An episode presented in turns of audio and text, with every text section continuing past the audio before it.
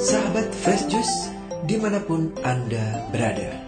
Sesaat lagi kita akan mendengarkan Fresh Juice Sabtu, 31 Juli 2021.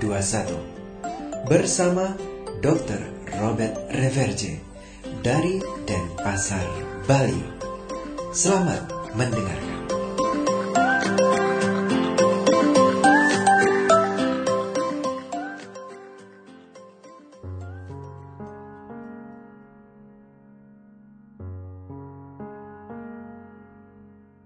Dalam nama Bapa dan Putra dan Roh Kudus.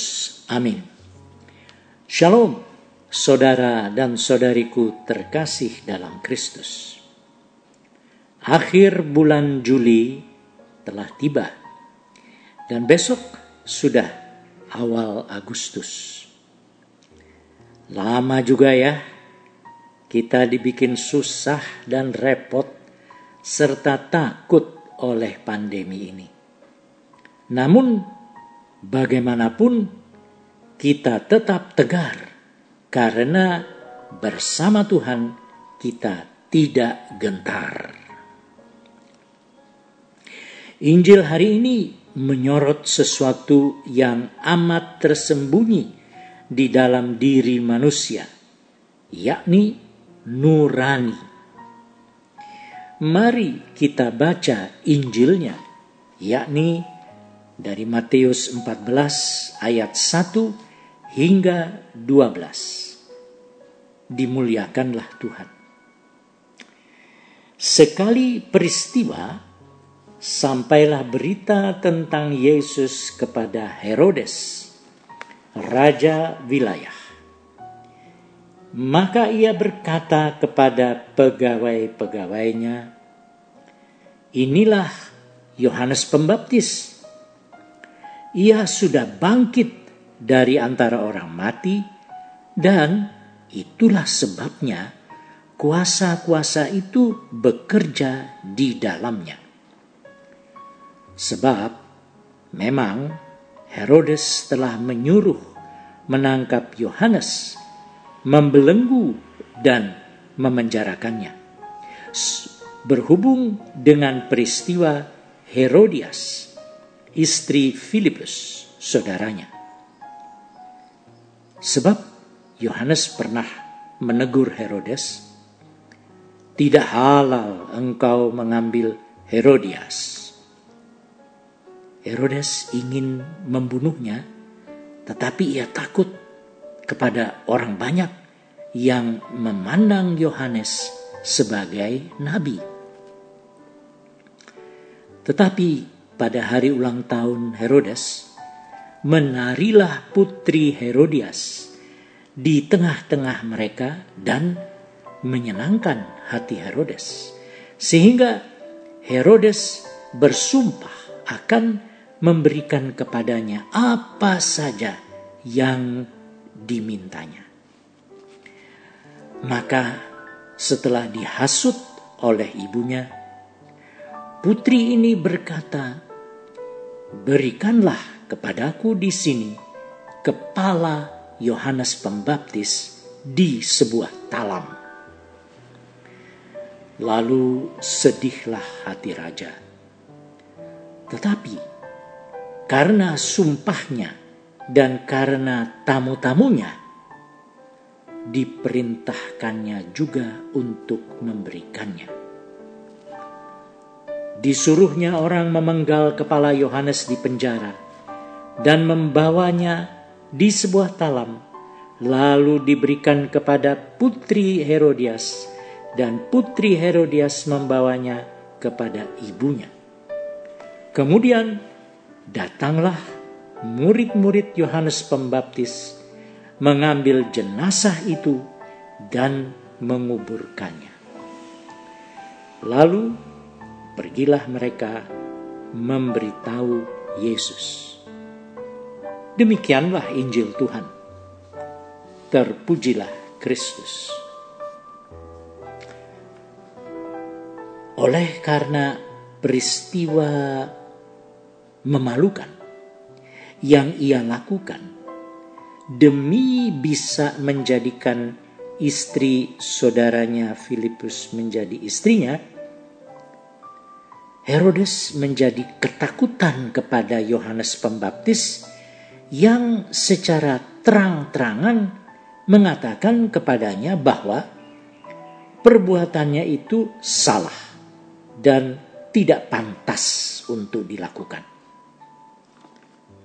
Seperti kita tahu, Herodes dan istrinya Herodias itu benci dan takut kepada Yohanes Pembaptis. Sebab Yohanes ini orang yang populer, orang yang disukai masyarakat. Herodes was-was tentang apa kata orang. Nah, mari kita renungkan tentang kebiasaan kita juga mengenai seputar apa orang. Saudara, kadang-kadang kita terperangkap oleh suatu pandangan yang saya sebut dengan pandangan manusia Agus. A G U-S. Agus. Apa itu Agus? Agus adalah singkatan dari apa gunanya untuk saya. Jadi, para penganut Agus akan mengukur dan mempertimbangkan segala sesuatu yang dihadapi dan dialami dengan kalkulasi atau perhitungan seperti ini. Ada gunanya enggak ya kalau saya begini atau begitu? Dan gunanya ini apa ya bagi saya? Mudah-mudahan kita jangan jadi semacam kalkulator merek Agus.